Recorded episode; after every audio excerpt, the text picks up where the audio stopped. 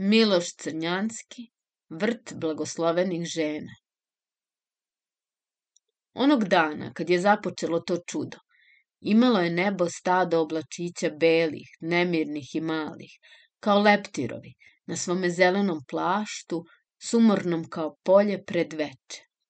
Zapad je bio rumen i nasmejan, ali taj osmeh i ta rumen ne behu radosni i bistri kao u leto, nego puni ljubičica uvelih i rasutih. Oblaci nisu jurili veselo k istoku kao proletna jutra.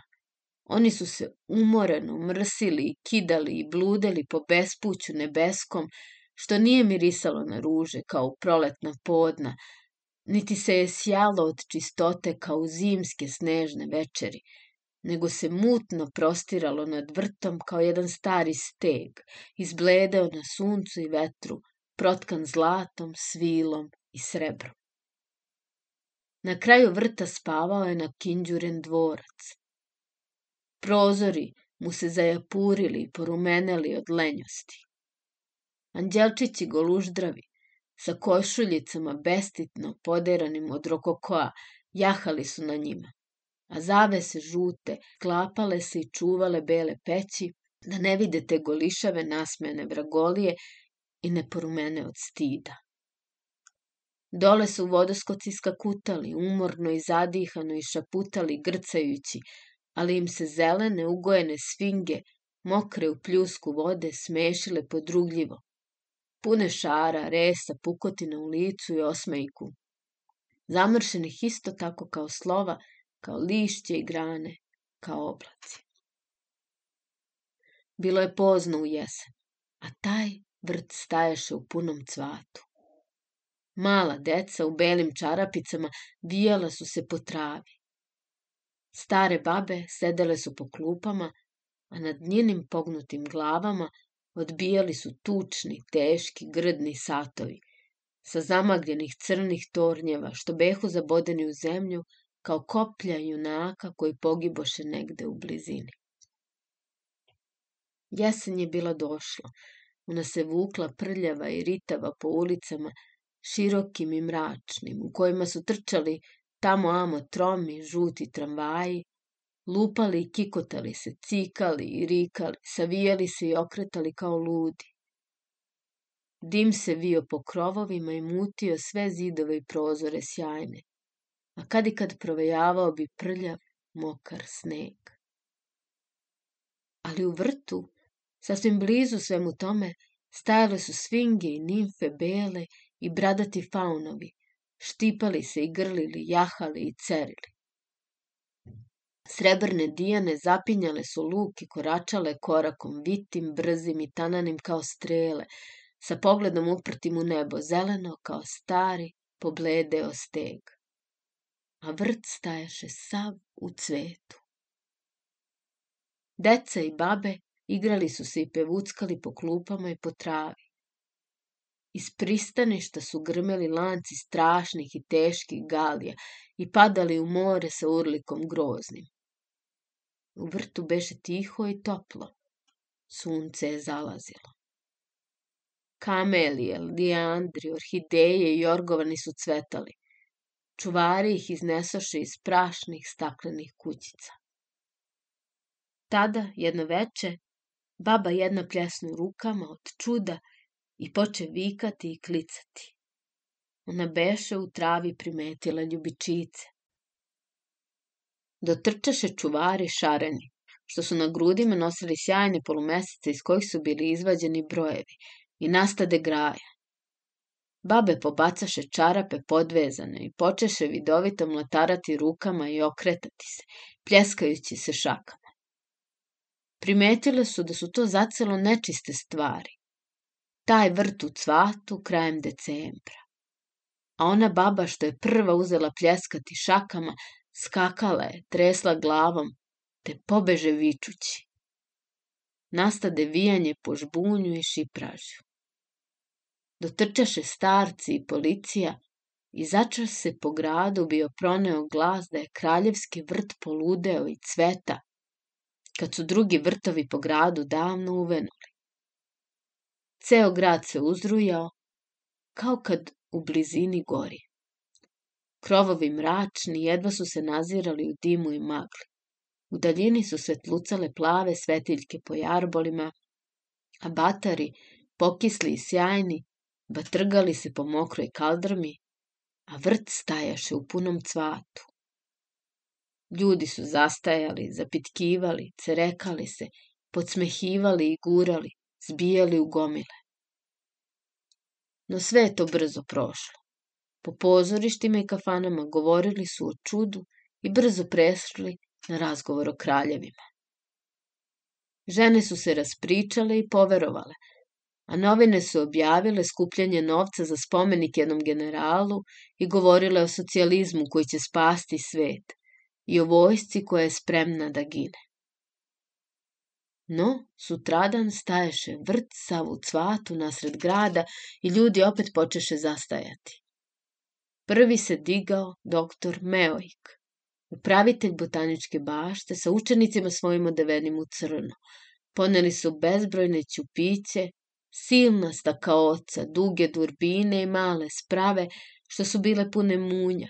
Zašli su pod drveće, ulegoše u žbunje, rasturiše se i počeše zagledati trave i lišće, dovikivati se i beležiti neka slova i brojeve.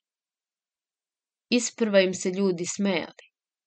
Pred veče, kad bi bilo manje rada, zbijale se gomile pred rešetkama i mirisale kameli i pružale vratove prema borovima koji su šumeli, zeleni i silni.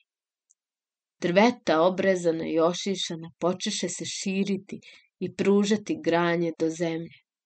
Grad se veselo smejao ludom vrtu. Jer prvo se počeše kupiti ljubavnici. Oni bi se pred noć prikrali i noću bi se po šipražju čuli ushićeni uzdasi. Po mraku, u travi, ne beše mesta za parove koji su jednako pridolazili. Neki crni leptirovi se počeše množiti pre nepoznati u okolini. Neki bezobrazni komarci što su mučili osobito starije debele žene. A po vrtu bi se noću često čuo šapat, mumlanje i prepiranje neko. A katkad i deklamovanje lirskih pesama. Ujutru bi vrtlari stari teturali se po travi i psovali besno, lupetali batinama po pogaženom cveću u očaju svom. Putevi su bili puni poderanog ženskog rublja, prljavih krpa, šarenog papira, slatkiša i kruha, pomada svakojakih, flaša i čaša, komadića sveća i hiljada pokrhanih žižica ukosnica i zlatnih burma, kišobrana, zaboravljenih i prsluka, sabalja i satova izgubljenih u travi. Grad se smejao. No poče da biva gore. Učestaše samoubice po vrtu. Više puta noću činilo se baštovanima koji su se bojali zalaziti pod granje mračno da čuju plač i jauk. Jedan je tvrdio da svake noći čuje neki glas, lep i mlad, koji viče O mesečino, majko moja. Isprva su bili mladići. Nalazili bi ih na travi, meke kose i bledog čela, puno kapljice rose i znoja, krvavih grudi, na kojima bi ležalo oružje i kamelije, ili ljubičice, ili bele ruže. Najčešće malaženske kose i bele ruže. Kad kad slika kakve ženske glave, nasmešene, uspijene, čije bi lice i oči uvek bili uprti u nebo, kao u anđelka. A posle poče još gore. Po drveću čestaše obešeni starci, o kojima niko nije znao reći što se ubijaju. Svi su bili sretni, bogati i veseli, a ujutru bi ih našli obešene kao vucibatine, prljave i razbarušene. Po neke novine napadoše vrte, Iskale su se da se zatvori. Spominjali su Smita, Emersona, prebacivale su u novine nemoral našeg stoleća i proricale jedno pokoljenje, novo i bolje, pobedu časti i rada, sreću u jednoj divnoj državi zbog koje treba da se mnogi žrtvuju. Ali poče još gore. Lopovi učestaše oko vrta u srcu grada. Oni su se skrivali u šumice pune mramornih golih venera, Agamemnona i Ahila. Sada se dogoti nešto grozno. Jedne zore nađoše tri male devojčice na travi. One su imale na nožicama svilene balske cipelice, a u šaci malo je slatkiša, trave, sve u krvi, sa rasporenim trbusima, podijelama, vitim i zelenim, vitim i zelenim, više nego u proleće. Iz njenih modrih očiju gledalo je nešto užasno, ako usta im je još ležao osmeh pun slasti i želja. Tek tad graknuše novine i grad se uzruja, kao kad u varoši gori. Svud se govorilo o vrtu koji neće da uvene i svi su predlagali da ga treba uništiti. Niko se nije usudio da mu oprosti. Beše pao prvi sneg, učestaše zimske magle, a u srcu grada cvetalo je čudo. Rumeno cveće sijalo se kroz rešetke, a bagremovi mirisali nadaleko. Vladike i popovi držale su propovedi po crkvama i žučno napadali nevernike koji su svemu krivi i njin dom koji podigoše kraj zvezdarnice na sred grada na kojem beše zlatnim slovima napisano per ruinas homo ad astra. U jednoj divnoj zgradi držala se skupština.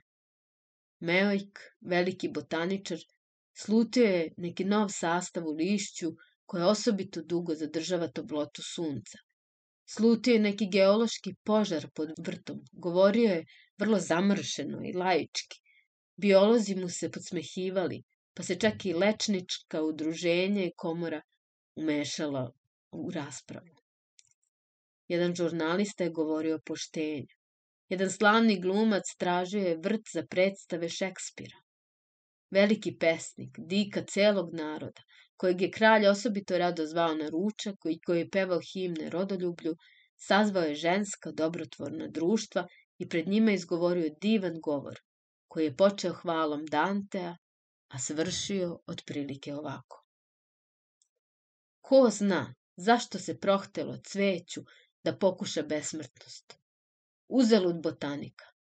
Možda život bilja i vrtova stoji visoko nad našim i zna za slasti i dubine koje naš nema. Ostavite ga, neka cveta, ostavite ga, neka pokuša gorku, o gospodje, velim vam, gorku čašu besmrtnosti. Mi smo ljudi zato suviše slabi, izgubili smo amanete i blagoslove majke naše zemlje, a da vam iskreno kažem, Suviše smo za besmrtnost i razočaravani. Zar ne? Gospodje su silno pljeskale, a jedna četa gospodjica predala mu je kitu cveća iz tog prokletog vrta. Sve bi se bilo dobro svršilo da se nije umešalo advokatsko udruženje. Ono odluči predati memorandum veličanstvu i zaiskati da se vrt uništi i zatvori. To se doznade jednog dana u parlamentu. Bilo je baš nesnosno. Ministar vojni je patio od grčeva u želucu i toga dana osobito redko odgovarao socijalistima. Deset puta je to pre podne spominjao vojsku koja je spremna da gine i željna slave. Pred gradom je ležala usidrena flota, na njoj beše mala buna. Obesila se behu dva mornara, o kojima je sud tačno dokazao da su bili trboseče onih otmenih devojčica, sutradan je izišlo delo na videlo. Ubica beše jedan genij, slikar. U parlamentu orila se grozna svađa. A ljudi su sve više trčali da vide taj smešni vrt. Stranci počeše stizati u grad, a deca su bežala iz škole. Gomile su stajale po ceo dan pred gvozdenim kapijama što behu zatvorene. Pred njima su stajali ozbiljno, sumorna pogleda, zamišljeni gardisti, vojska beže opkolila zidove, posela puteve, a jednako su prolazili i ulazili u vrt i iz vrta naučenjaci, profesori, zvezdari sa sekstantima, naočarima, svi ćelavi.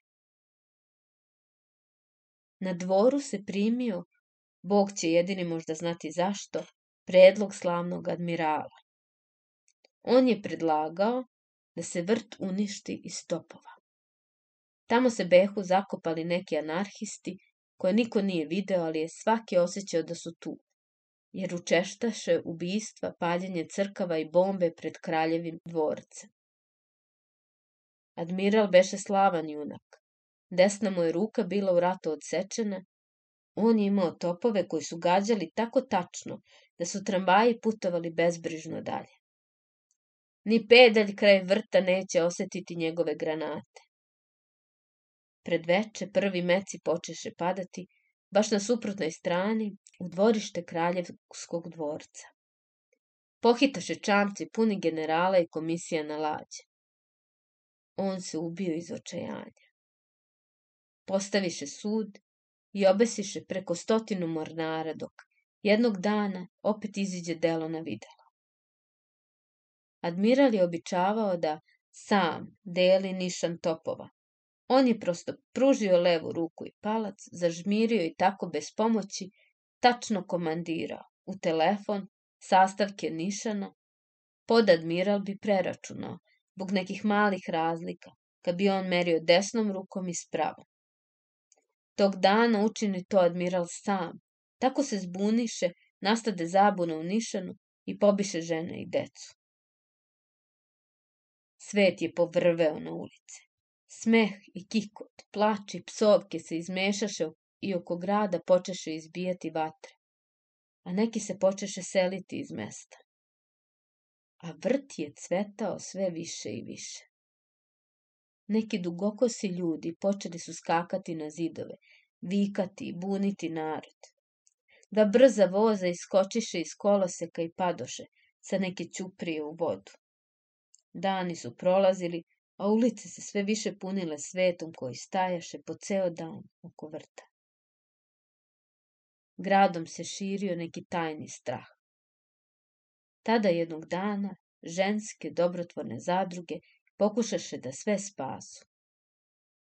One dočekaše velikog pesnika pred veče, kad je ustao sa svoje postelje koju beše opevao tako lepo, da su je svi u gradu poznavali, a da je nikad ne videše. One ga ponesaše vrtu i nateraše da drži govor. Njima je bilo žao svega zlog, dece što su prljava i gladna, trčala po ulicama, radnika što su se tukli i vojnika koji su se tajno ubijali. Pesnik se popeo na zid. Duga kosa mu pade na ramena, ruke bele mlatarale su po zraku, grdne guste čipke pokrile su mu grudi.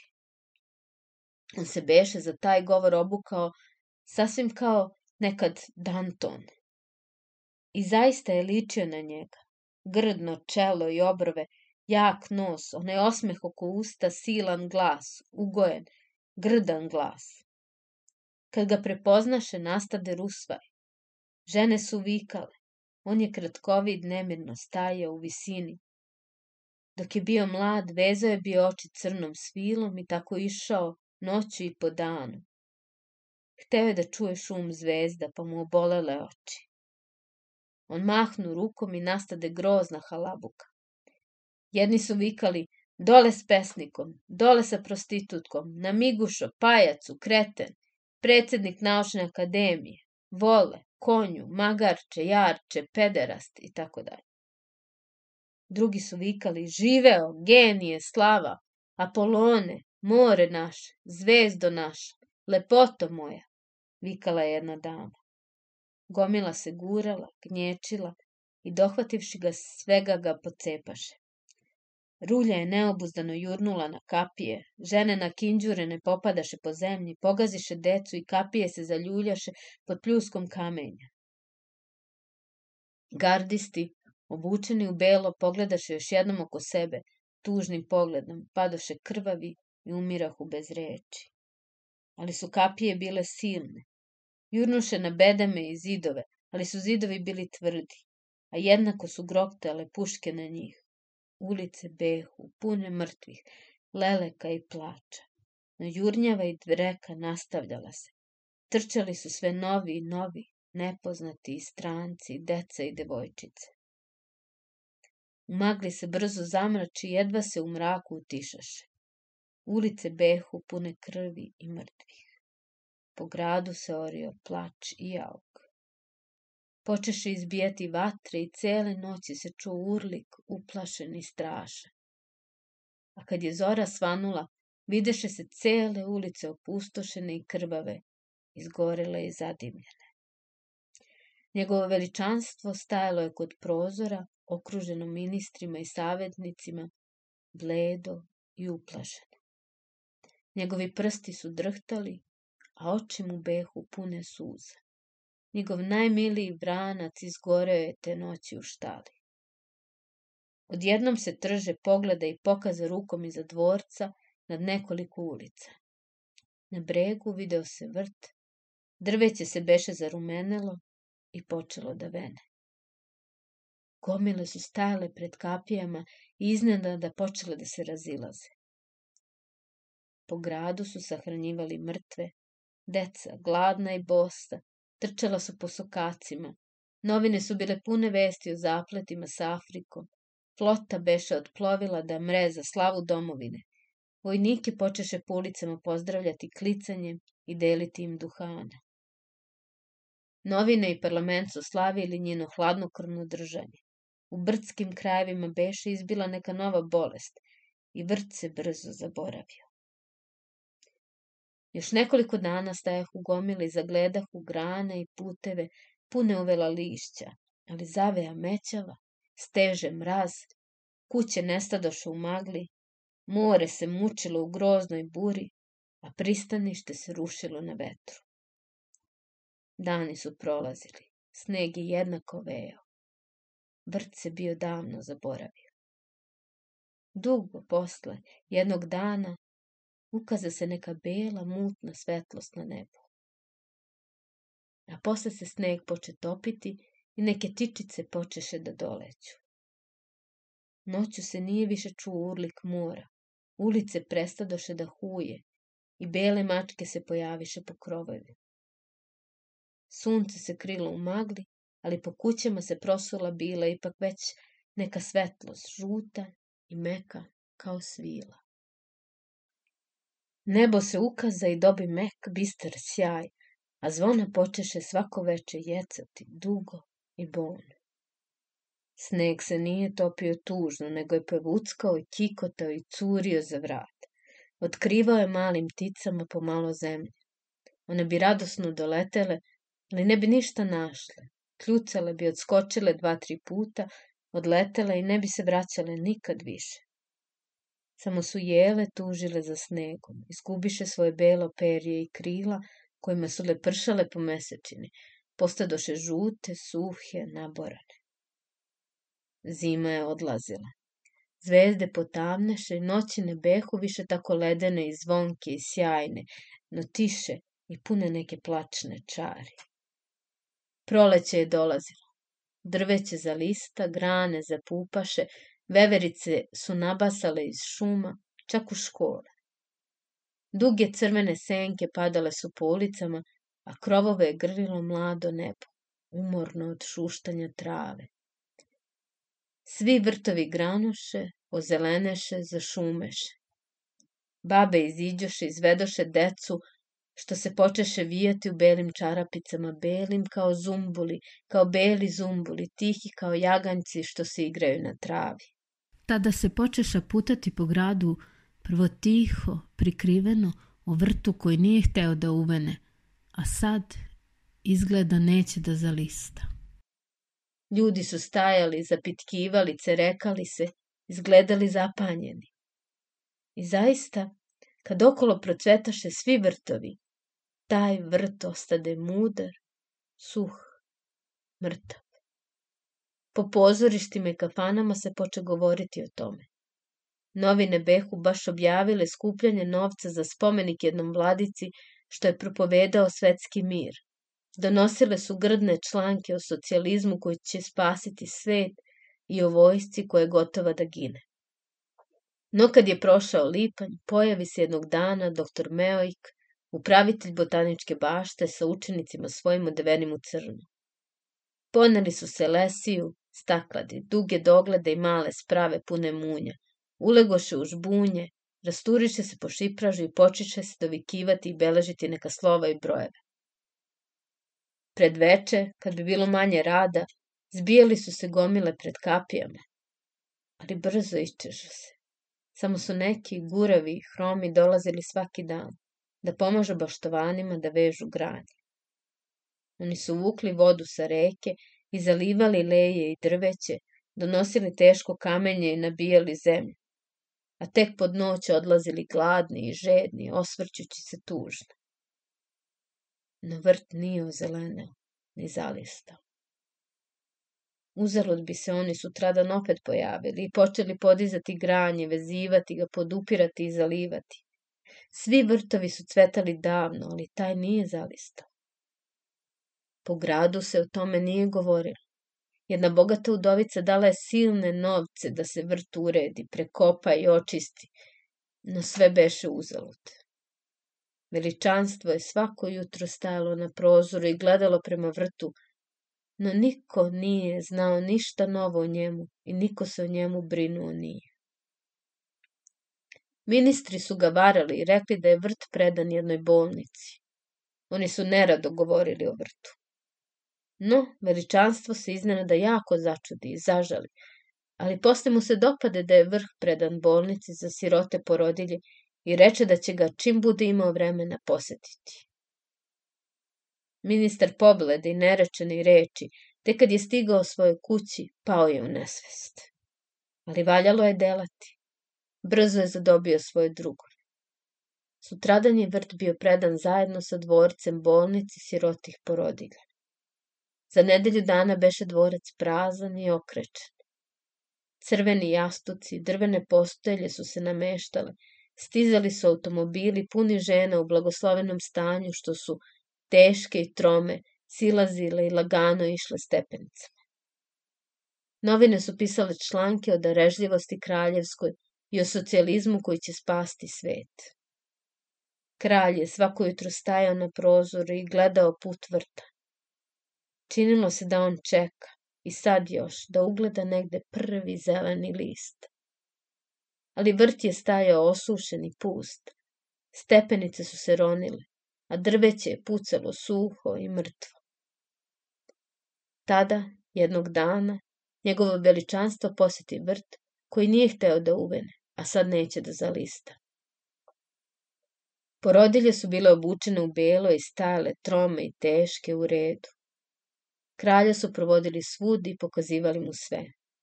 On se smešio i klimao glavom. Njegove srebrne mamuze zveckale su tiho, oko njega su išli svi tiho i šaputali. Činilo se kao da oči njegovog veličanstva traže nešto. I zaista pogled mu je nemirno lutao po rondelama gde su nekad u cveću stajale nimfe i dijane. On pogleda putem gde su stajale osobito lepe orhideje, seti se kako je u detinstvu prolazio tuda i oči mu se zamagliše od nečeg mutnog i očajnog.